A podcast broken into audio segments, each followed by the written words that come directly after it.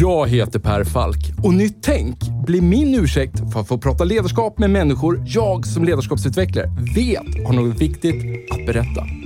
Och med tio avsnitt per säsong, varannan vecka, gräver vi därför ner oss i tekniker, principer och synsätt för att vi ska sätta fingret på vad som kännetecknar det ledarskap vi alla behöver se mer av.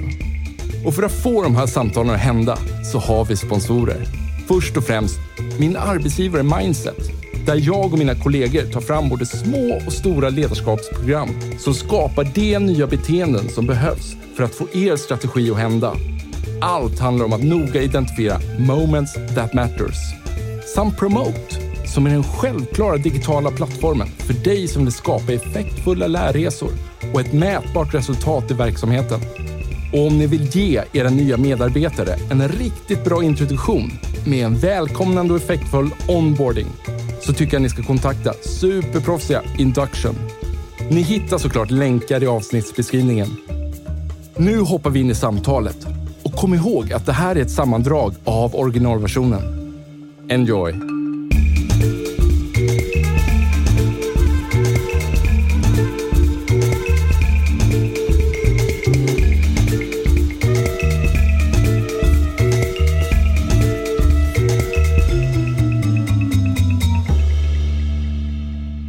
Vem är du, Stefan?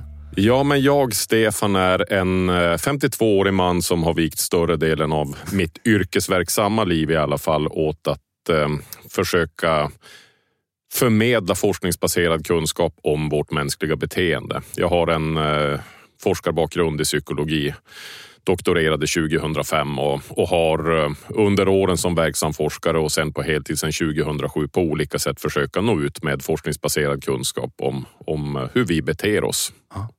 Vad gör du på dagarna för att det ska bli lite mer begripligt? Ja, eh, jag har eh, skrivit ett antal böcker. Det är en av de saker ja. jag gör. Rätt, på... mång, rätt många, ja, får man väl säga. Eh, de börjar snart bli lika svåra att hålla eh, koll på som min, min ålder. Ja. Eh, jag tror att jag är uppe i 14 eller 15 stycken.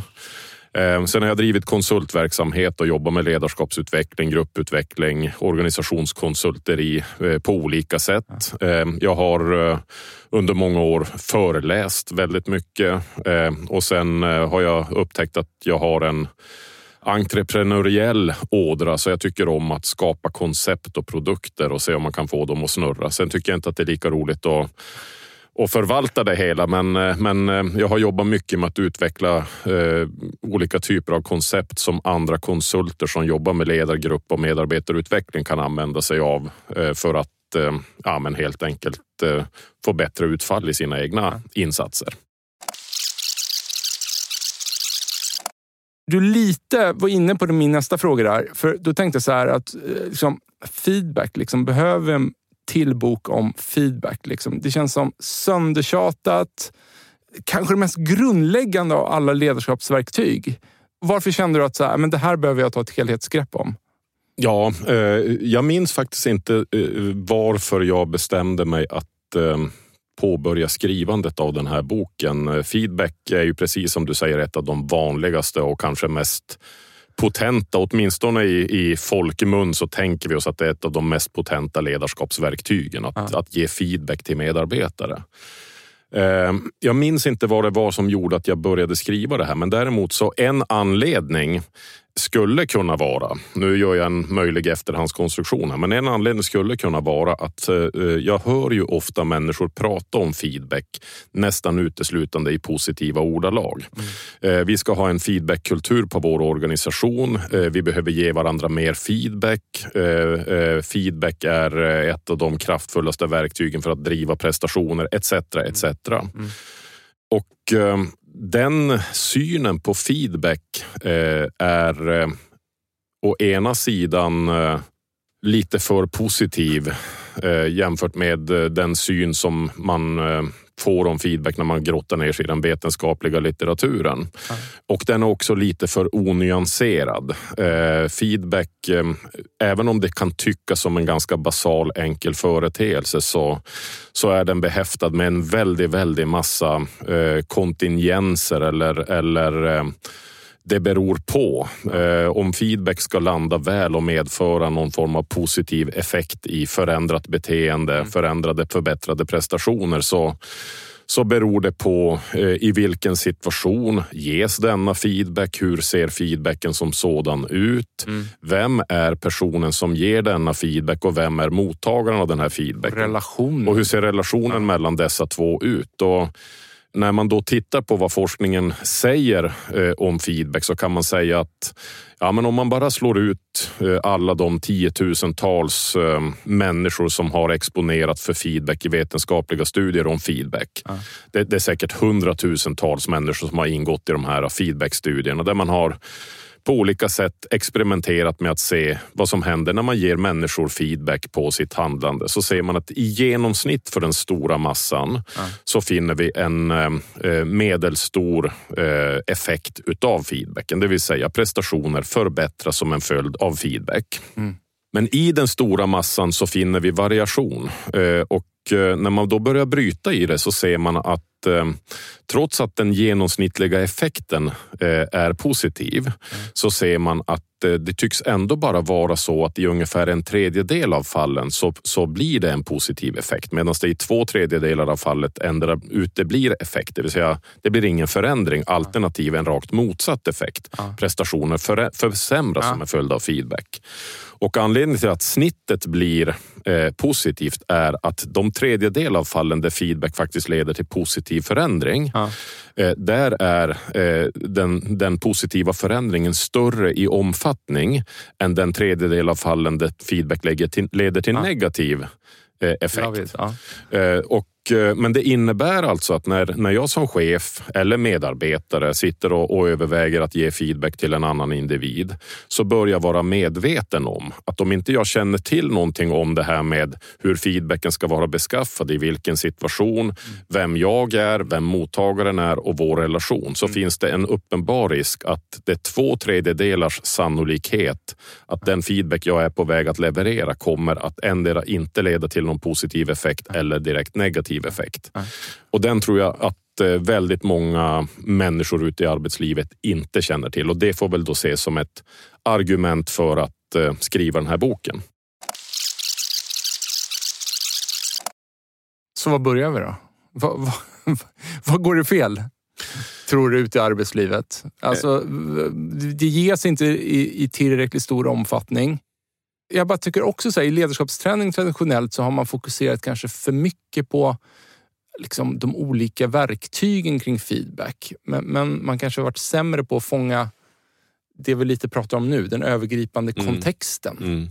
Och att ja, relationen en... måste finnas på plats. Och om någon ska tillgodogöra sig min utveckling feedback så måste ju den personen, tror jag, nästan i djupet känna att jag vill utveckla den här personen. Jag blir glad om det går bättre för den här personen. Ja.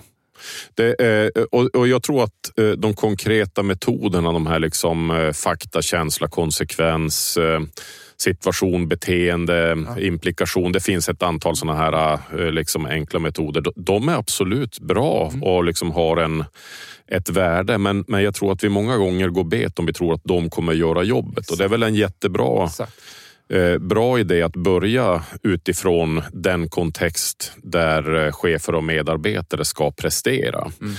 Eh, och det har ju då de sista decennierna forskats väldigt mycket på, det kallas faktiskt inte för feedbackkultur, även om det populärt kallas för feedbackkultur, utan den akademiska benämningen har kommit att bli feedback environment eller feedbackmiljö, vilken då beskrivs som en specifik aspekt av den övergripande organisationskulturen som handlar om hur människor kort och gott förhåller sig till feedback.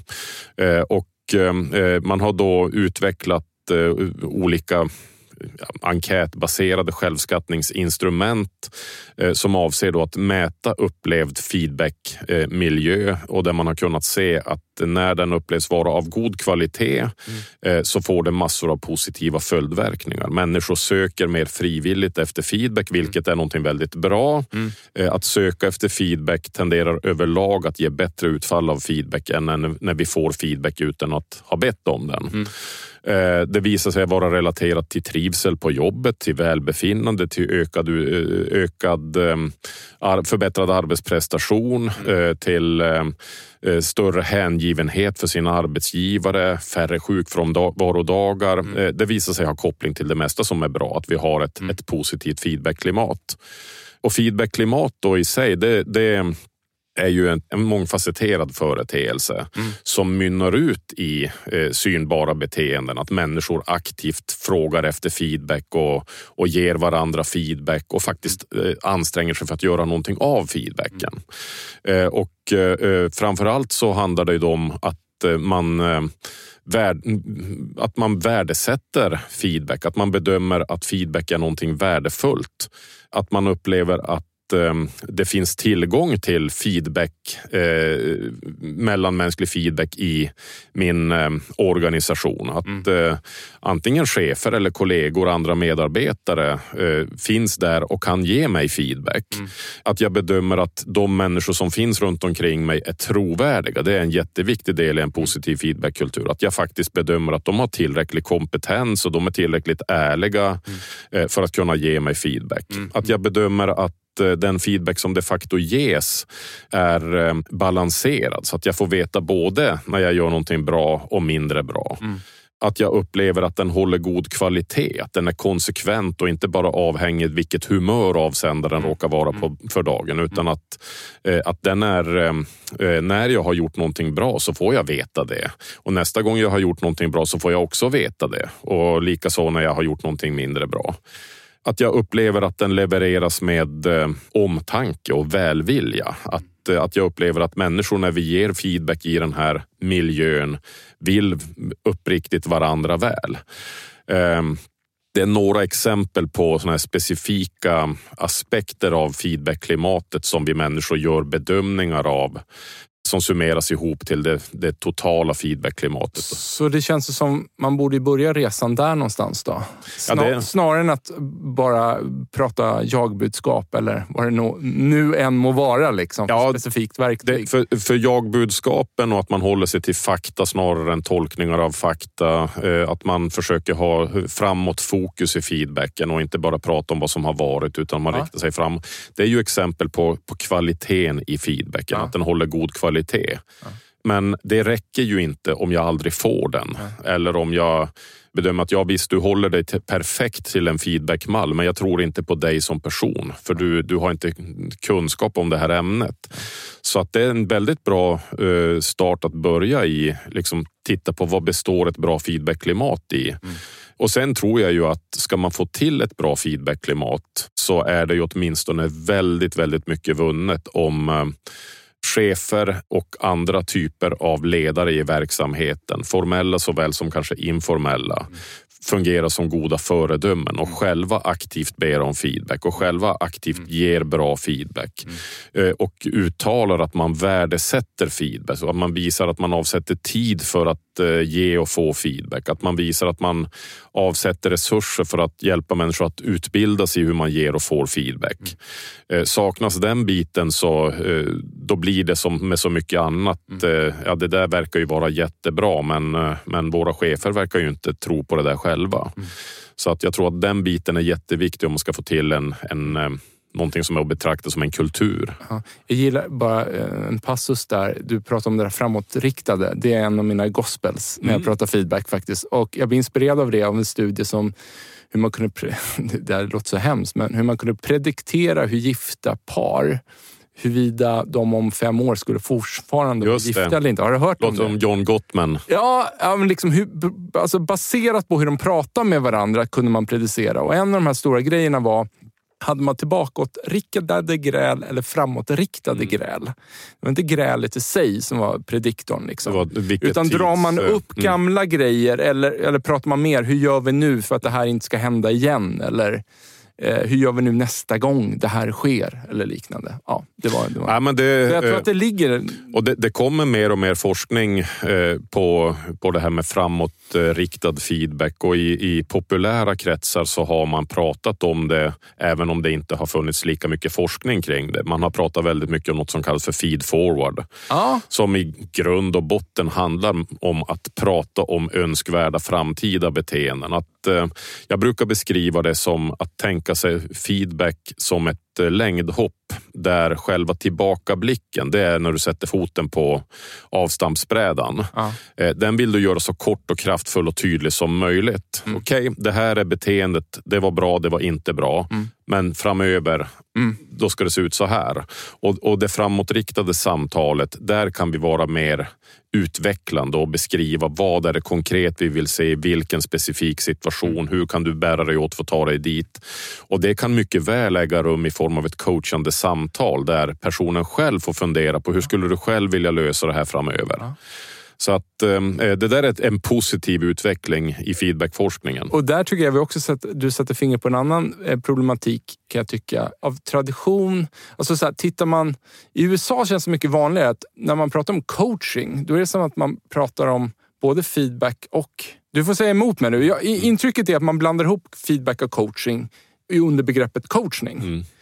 Men alltså i Sverige så pratar de om två skilda grejer, men i praktiken så, så kan det ju ofta vara så att man måste feedbacka och coacha, kanske i samma samtal. Liksom. Absolut. Men det är sällan chefer efter ett program riktigt förstår det, för man separerar upp det så mycket. Liksom. Ja, och jag, jag tror att en anledning till den där sammanblandningen eh, kan ha att göra med att och det, det här gäller nog även i Sverige i viss utsträckning, är att man, man ser på coaching väldigt mycket som det som idrottstränaren, idrottsledaren gör.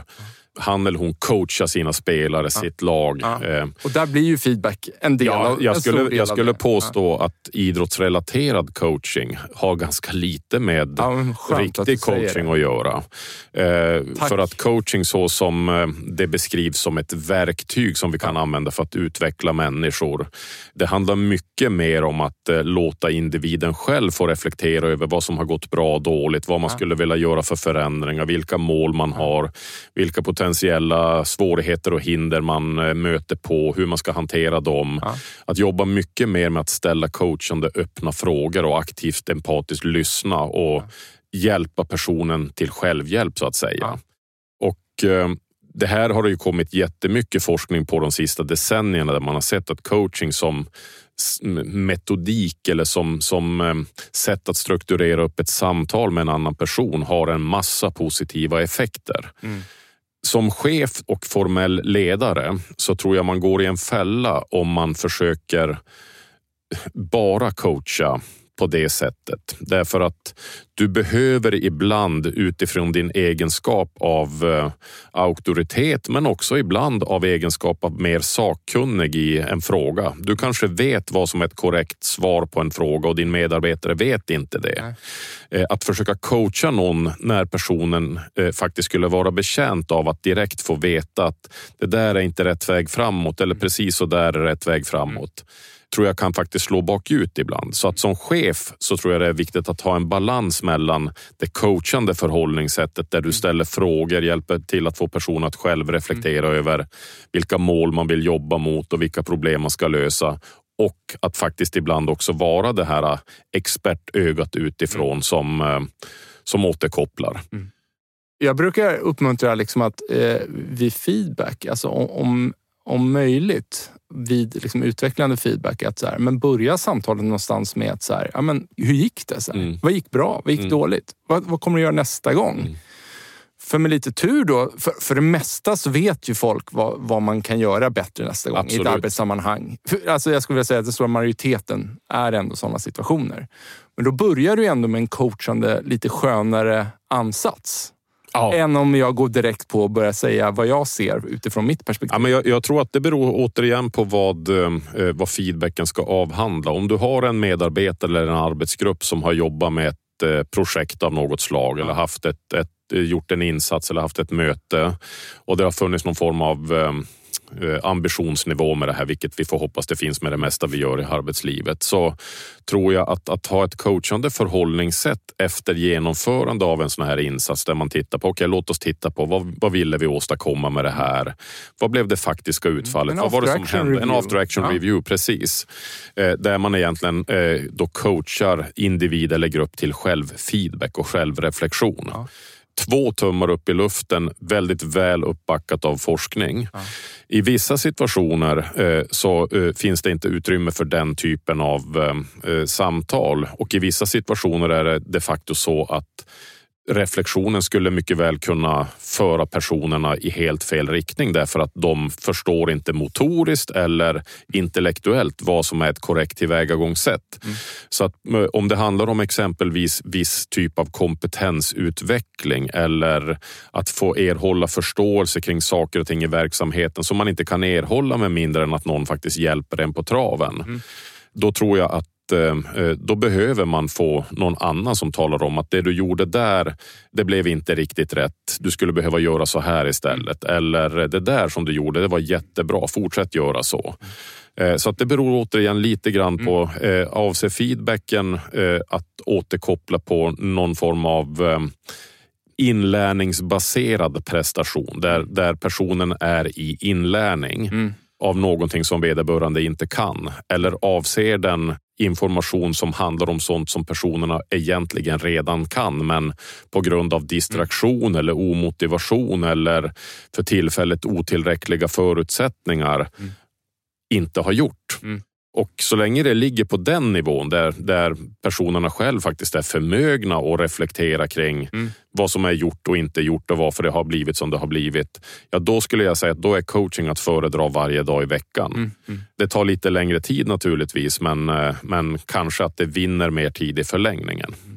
Du, tillbaka till den här feedbackmiljön. Mm. Jag, jag, jag tänker så att organisationer då som, som skårar högt på eh, feedbackmiljö i den här forskningen och nu, jag, nu sitter jag bara och gissar. Jag tänker mig att det är väldigt mycket feedback som händer där utan att människorna i den organisationen nödvändigtvis tänker på det i termer av feedback. Mm. Tror du inte det? Tror inte Absolut. att de gör en after action review eller har som rutin att efter varje sälj, eh, liksom kundbesök så bara utvärderar vi. Hur gick det? Hur, hur kände du det här? Hur gör vi nästa gång? Och, och sen så använder man inte ens ordet feedback, utan det är bara att man har byggt in en kultur av att vi hela tiden hjälper varandra ja. att utvärdera oss själva. Eller? Ja, men jag tror det. Och, och, det blir väl ungefär som med fiskarna i akvariet. Att när du, ja, du ser exakt. inte vattnet när du är så att säga en del utav det. Och i en väldigt feedbackvänlig miljö så kommer det här gissningsvis väldigt, väldigt naturligt att man ger och utbyter information om mm. hur man presterar. Man ställer frågor, man, man ber folk, kan du titta på hur det går för mig i den här mm. situationen? Mm. Bara liksom ge mig en återkoppling mm. efteråt. Man, man spontant eh, erbjuder, om du vill så, så kan du få mitt öga på det här. Mm. Det vill säga, det kommer väldigt, väldigt naturligt. Mm. Ehm, och eh, det låter som en ganska trevlig miljö att finnas i Verkligen. faktiskt. Ehm, eh, att eh, framförallt om du ska samarbeta mycket med andra, liksom, att, mm. att vi hjälps åt att, eh, att utveckla varandra. Ja. Så att, nej men det är nog precis som du säger. Så, så vad börjar man där då? Har, har du några tankar kring? Hur börjar, för, för om, om, man märker nu då så att ja, men vi, vi kan konstatera att så här, men det finns en stor... Vi måste måste använda oss av feedback, förmodligen för att utveckla vår verksamhet. Och det finns en inbyggd potential där. Men den potentialen kommer inte riktigt fram på arbetsplatserna. Och det verkar som vi ska börja med feedbackmiljön. Liksom.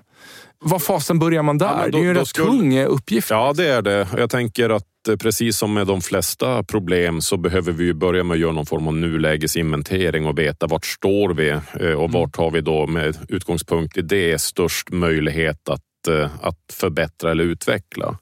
Och ett första steg skulle ju då kunna vara att eh, samla en grupp individer och så göra någon form av analys eh, avseende dimensioner av feedbackklimatet. Mm. Så till exempel bedömer vi i vår grupp att vi regelbundet har tillgång till varandras feedback.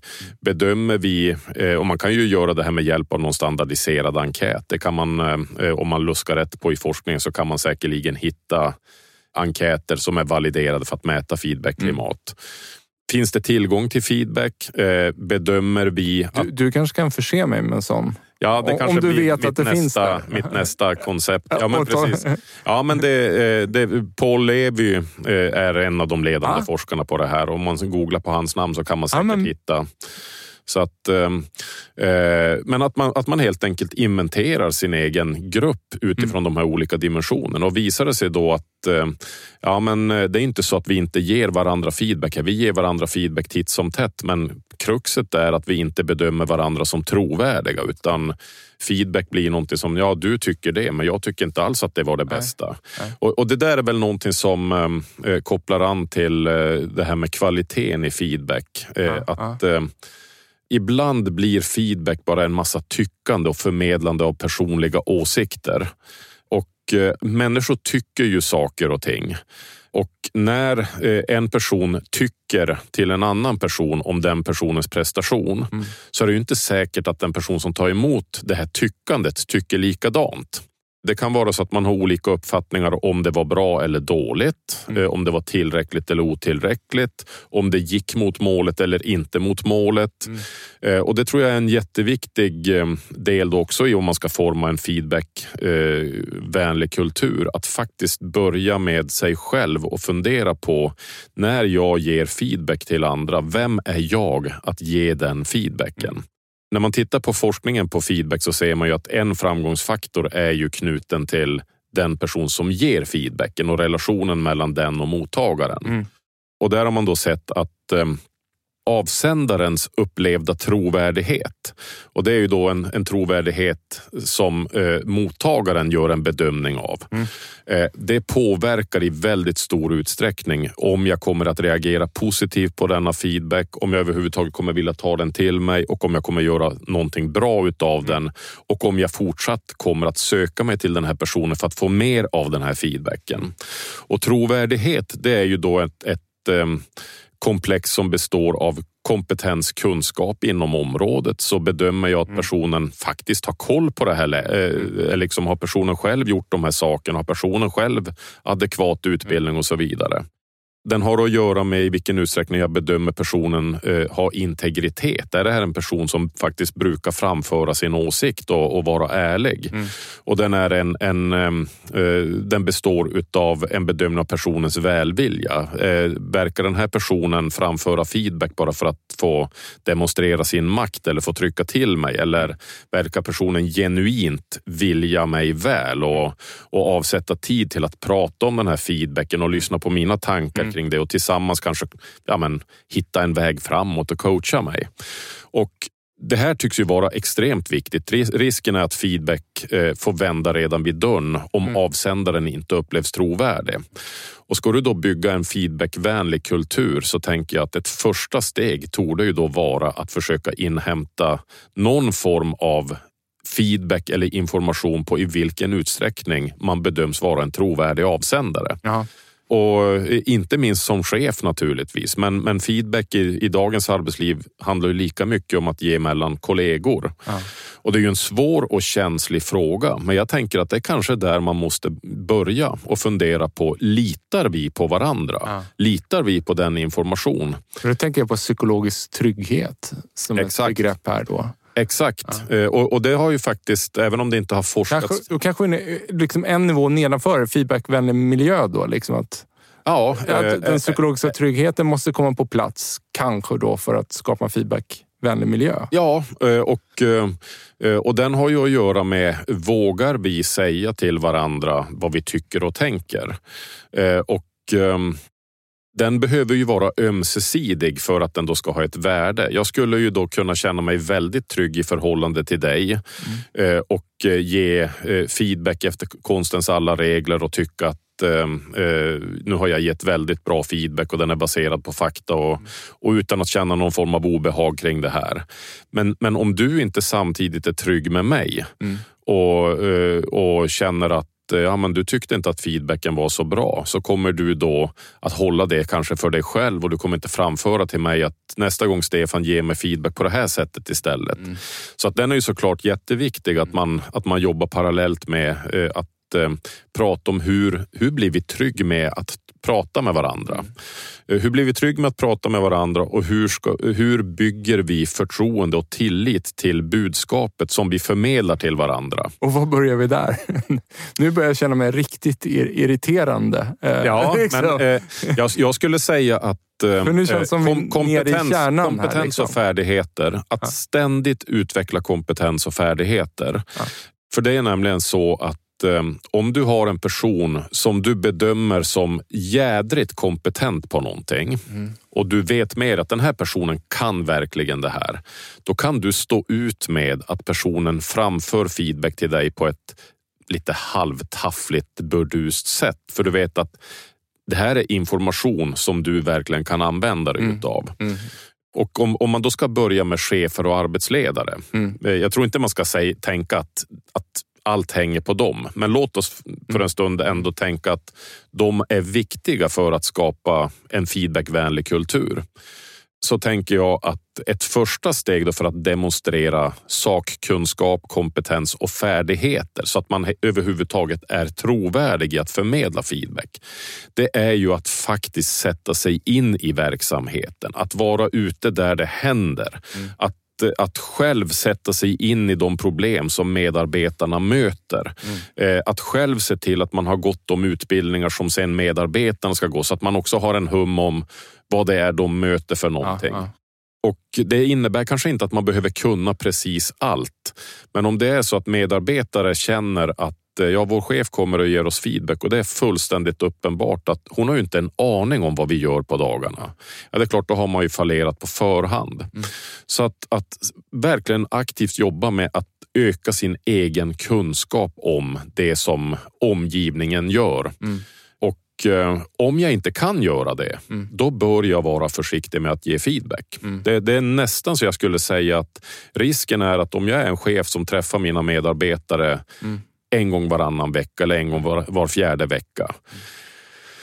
Då skulle jag nog hellre rekommendera att enbart eh, kliva in i den coachande rollen och bara låta medarbetarna själva få reflektera eh, kring hur det har gått. Och sen kan jag naturligtvis när de har gjort det, ja, men bra att ni löste det här. Jag kan ge feedback på själva reflektionen, men jag kanske inte ska gå in och eh, återkoppla på utförandet av arbetsuppgifterna. Eh, jag kan återkoppla på resultatet. Ja, men det blev ett bra resultat. Kunden har hört av sig och är nöjd. Men jag kanske inte ska gå in och intervenera i processen därför att jag har för dålig koll på det. En grej när jag får frågan liksom hur startar den här feedbackkulturen då som eh, brukar vara rätt hjälpfullt samtidigt som man känner också, va? Tar det så lång tid? För man vill ju gärna ha en, en quick fix. Liksom. Men jag brukar prata i termer att oh, vi säger så att vi, vi, ska starta den här feedbackkulturen från scratch. Liksom. Det är att chefer själva liksom, kan visa att de kan fråga efter feedback som man sen följer upp ett halvår mm. senare på. Alltså att, att jag som din chef kan visa att jag fick feedback av mig och jag har försökt göra någonting av det här för att liksom mjuk, mjukstarta hela processen innan jag börjar ställa krav på att andra ska anpassa sig till min feedback. Jag, eh, jag tycker att det är... Eh, Men det tar ju tid. Det tar tid. Eh, när jag, jag har gjort olika såna här chefs och ledarskapskartläggningar med x antal olika ledarskapsinventorium. Och i de flesta av de här så finns frågan där medarbetare då får ge återkoppling till sin chef på om man tycker att chefen själv ber om feedback på sitt ledarskap. Ja. Det är den enskilda fråga som i samtliga de här formulären alltid har legat lägst, som har fått lägst skattningar. Det vill säga, det är där man ser att det finns ett enskilt störst utvecklingsområde. Ah. Så det är, du är ju någonting på spåren där. Jag tror att det är enskilt det bästa sättet att börja. Att visa att jag vill ha eran feedback på hur jag leder er och verksamheten. Vad kan jag göra som skulle göra det bättre för er? Vad gör jag redan nu som fungerar bra? Så börja där och visa med eget handlande och se det inte som en svaghet att be om feedback utan tvärtom.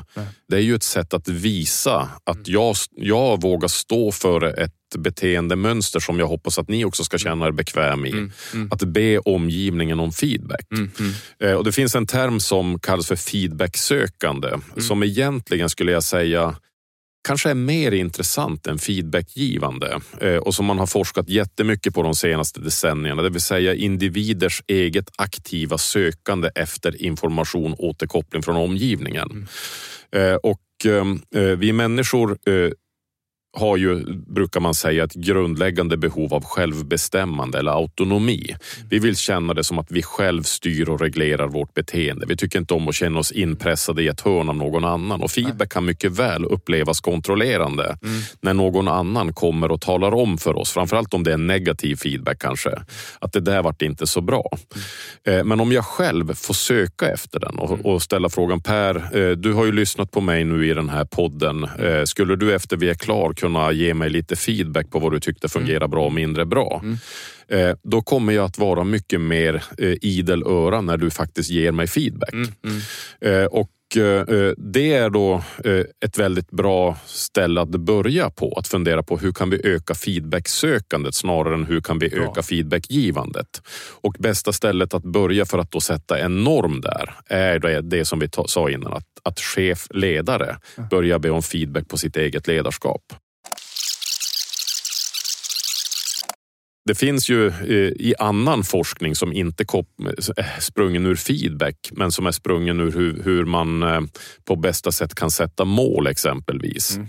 Så ser man ju att eh, någonting som kallas för implementeringsintentioner. Jag tror vi kan ha pratat om det här kanske på vårt förra samtal. Att, kanske ringer ingen klocka sådär, så du får gärna repetera. Vad ja, det... men det, det, det finns, finns en metodik som handlar om implementeringsintentioner som helt enkelt då är att man beskriver vad man önskar göra ja. och eh, i vilken situation man önskar göra det här och under vilka omständigheter man ska göra det här om de inträffar. Mm -hmm. du, att du mhm. kapslar mm -hmm. in och specificerar ett framtida önskvärt beteende.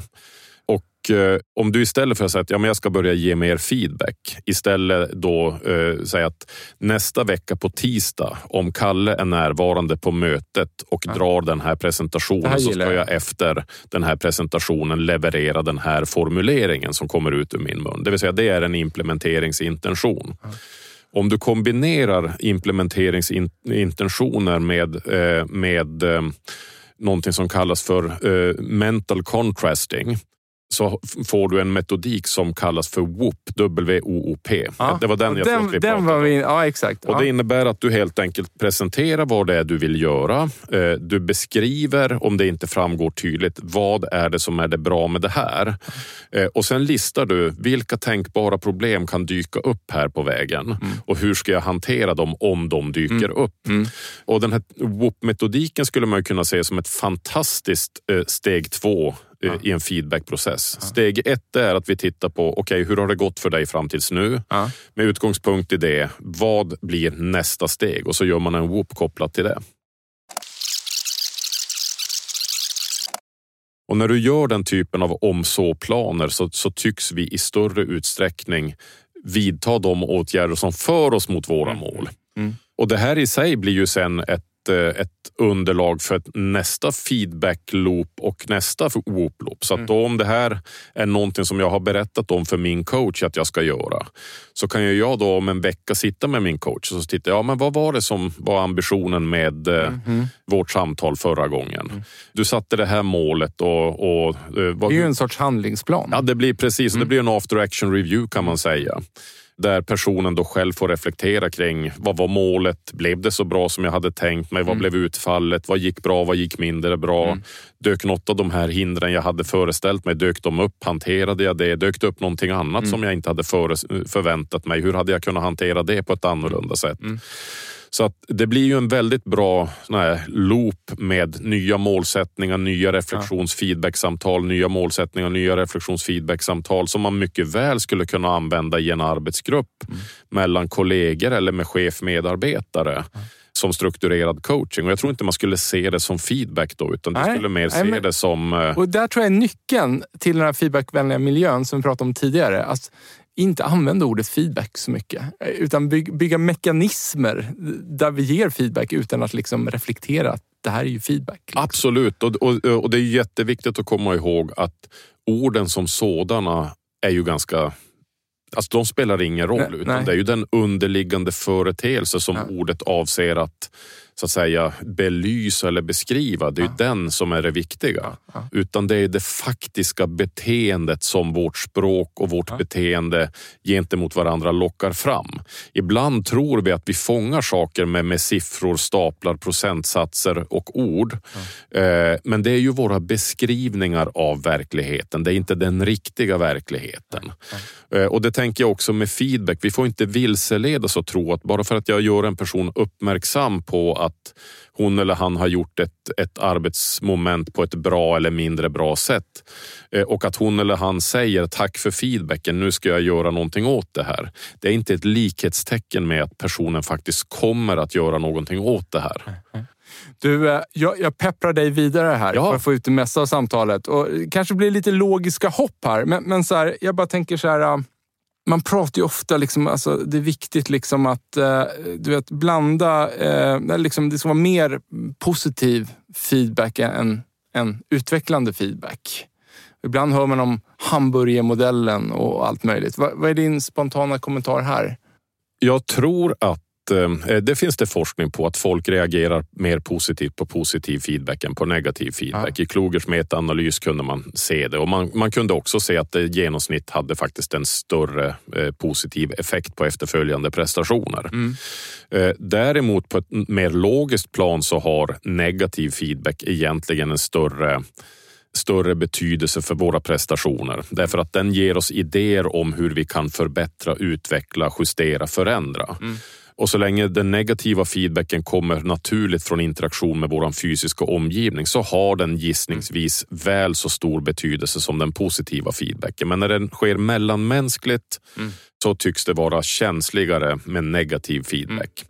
Och eh, då finns det ju då en hel del studier där man har sett att när människor gör saker och ting tillsammans i privata relationer såväl som i arbetsgrupper så eh, tycks det oftast vara betjänt för deras samarbetsförmåga att det tycks råda någon form av positiv obalans. Det vill säga det tycks vara lite mer av positiv interaktion, lite mer av positiva kommentarer. Man har ibland satt upp liksom någon form av kvot att det ska vara två till tre gånger mer. Eh, den där får man väl ifrågasätta, men jag tror att generellt överlag så tycks vi vara betjänta i sociala sammanhang av att det är lite mer positivt. Jag tror inte på hamburgermetoder där man liksom eh, mekaniskt i ett och samma samtal börjar med lite positivt för att sen ge en, en svidande salv och sen avsluta med lite positivt. Utan jag tror att man ska se det mer över tid. Eh, liksom att eh, över tid så tenderar vi att ge lite mer av eh, positiv feedback på människors prestationer. Framförallt på, eh, eh, man, man kan egentligen säga att det finns två kategorier. Eh, det här är intressant Per. Kör, kör. Eh, Det finns två kategorier av feedback. Det finns feedback på resultatet av prestationer och det finns feedback på själva utförandet eller processen. Hur man utför saker och ting. Positiv feedback har bäst effekt när den ges på utfallet. Det där blev jättebra. Kunden var jättenöjd. Du Ja. lyckades jättebra. Negativ feedback på på utfall, eh, det, den bör vi undvika i största möjliga mån. Ah. Vi tycker inte om när vi redan har levererat ett resultat. Vi har förlorat matchen, kunden var missnöjd. Vi tycker inte om att få den typen av information, framför allt om den kommer från någon annan.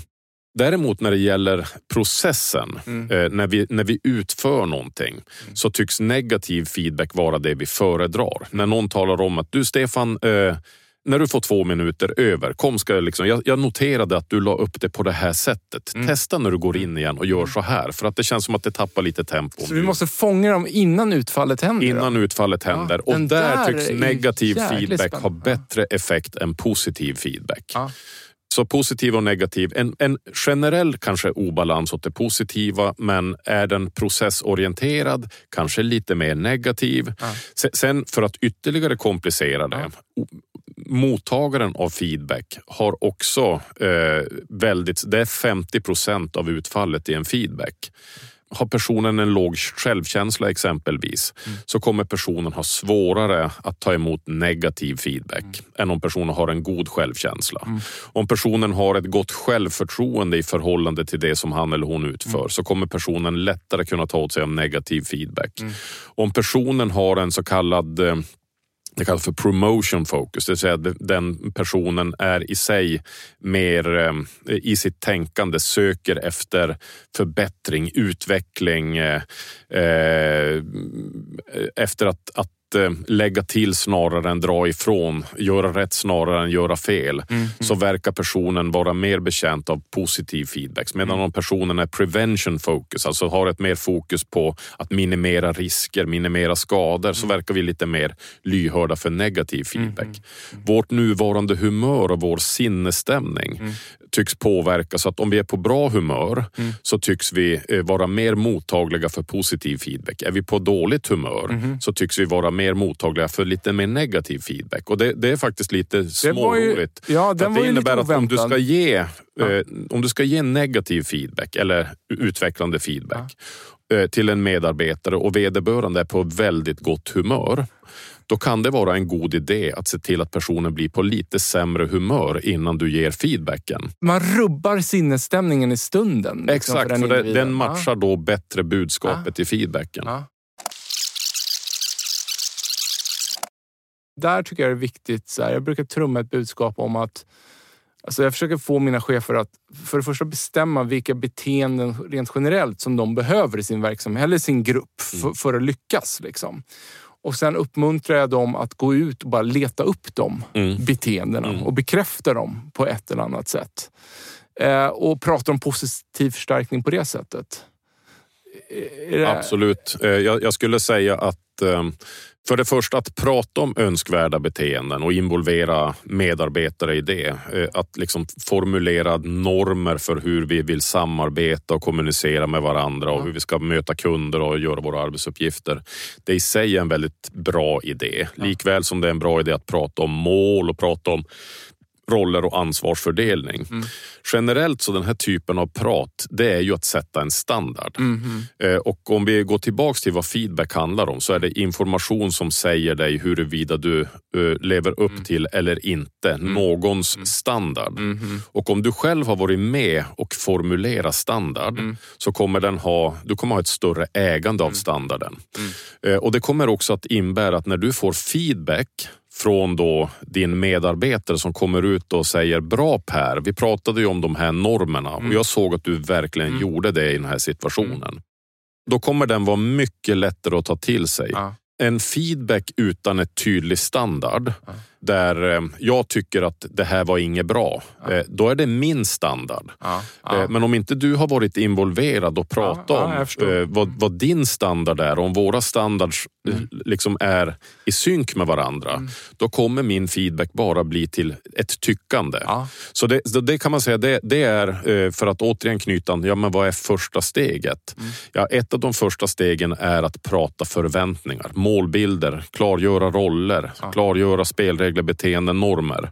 För när de finns på plats, då kommer feedback vara mycket lättare att ta till sig. Exakt så här. Alltså hejda sig själv kanske. Så här, är det här är det här en standard eller är det här kommunicerat? Alltså, exakt. innan jag börjar ge exakt. min feedback. Och är inte det, då, då kanske vi måste sätta oss ner och prata om prata spelreglerna. För annars kommer det bara upplevas som ett orättvist påhopp. Liksom. Såvida det nu inte är så att personen gör någonting som där och då faktiskt kan skada ja, ja, personen själv eller någon annan. Men, men ja. precis, kan jag vila på hanen och ha ett samtal om önskvärda standard ja. där vi kan gemensamt komma ja. överens om det här. Mm. Så kommer det vara bättre. Eh, dels kanske det gör att personen själv kommer att, ja. att kunna reglera och vara medveten. Vänta nu, nu gör jag ju det här. Det går ju tvärs emot vad vi hade tänkt. Men det kommer framförallt vara mycket lättare att ta till sig av feedbacken när, när du då säger att du Stefan, vi pratade ju om det här. Jag såg i förmiddag så gjorde du istället så här. Mm. Jag vill göra dig uppmärksam på det. Mm. Vi har kommit överens mm. om de här standards. Mm. Det blir mycket lättare att ta mm. till sig utav den. Okej, du, en sista grej då. Eh, aktiv lyssning. Mm. Finns det någon plats för det i, i, i din ja, bok? Eh, jag skulle säga att eh, eh, och, och det, det, är nog bra att du påminner mig om det för att jag vill verkligen få in det i min bok. Ah. Jag skulle säga att det mesta börjar med det. Ah. Och väldigt, väldigt mycket av vårt mänskliga beteende är vi ju skapligt medvetna om själv. Mm. Och när jag möter en person som genuint lyssnar på mig så blir jag ju mer öppen för att själv reflektera kring mitt beteende och sätta ord på det. Mm. Så att det innebär att jag i större utsträckning själv kommer kunna reglera och korrigera mitt mm. bra och mitt mindre bra eh, beteende. Mm. Men, men det är ju både när du ger och när du tar emot feedback. När du mm. tar emot feedback, att verkligen aktivt försöka även om det tar lite ont att få den här feedbacken, att försöka genuint förstå vad är det personen vill ha sagt här. För det kan vara information som, även om den gör ont, kan vara bra för mig att få. Mm. Och samma sak när du ger feedback. Att du verkligen när personen ska svara på feedbacken mm. och, och eh, ja, men kanske gå i försvar eller komma med mm. ursäkter. Mm. Inte bara slå undan det utan aktivt lyssna då även mm. på försvaret och ursäkterna mm. innan du tar till orda på nytt och säger eh, att eh, eh Ja, men nu hörde jag att du sa så här. Skulle det kunna vara så här? Mm. Så aktiv lyssning skulle jag säga, den är extremt viktig. Har du några hacks där? Jo, jag tänker att tittar man på forskningen på aktiv lyssning och aktiv empatisk lyssning så, så finns det ju naturligtvis, då kan man ju utvinna vissa så här ja, men, synbara beteenden. Du ska ställa öppna frågor, du ska summera vad eh, individen har sagt, mm. du ska parafrasera, du ska ha lagom mycket ögonkontakt och så vidare. Men det blir ju lite kosmetiskt Det blir, det blir väldigt liksom. mycket kosmetika. Ja. Jag tycker att mycket bättre är att liksom. ja. eh, jobba med din attityd inför ett samtal. Ja. Och öva i korta sekvenser på att, att sitta i samtal. Det här kan man öva med vem man än möter. Att förstå världen med mot, motpartens ögon. Mm. Och Jag brukar säga att det bästa sättet att öva på det är att försätta sig i en situation där man är stressad. För när vi är stressade är det svårt att lyssna. Mm. Mm. När vi gärna är på lite dåligt humör, för då är det svårt att lyssna. Mm. När vi ska eh, prata med någon som vi inte tycker så himla mycket om mm. och som har radikalt annorlunda åsikter än oss själv. Mm. Och vad kan då vara bättre sätt att öva på sitt lyssnande än att söka upp en sån person som vi mm. inte tycker om, som tycker helt annorlunda än oss själv. När vi är på lite dåligt humör och är lite stressade. Ja och aktivt, genuint försöka se på världen med den personens ögon. Ja. Jag tror att det får bli de avslutande orden här. Bra improvisationspoddat. Outtömlig källa till kunskap. Ja. Det, var spännande att improvisationspodda, eh, måste jag säga. ja, du, stort tack för att du återigen kom förbi. Och så här, även om boken då inte är på plats än, vi får skjuta den längre fram när den är på plats, men vi slänger in ändå lite lämpliga länkar här till dig i eh, podcastbeskrivningen på det här avsnittet. Vad bra. Ja. Och jag lovar att återkomma när boken finns. Ja, men bra. Återigen, stort tack Stefan. Tack Per. Klara. Shit vad snabbt det gick alltså. Det, vi satt ju en timme, alltså samtalet tog en timme och 45 minuter här.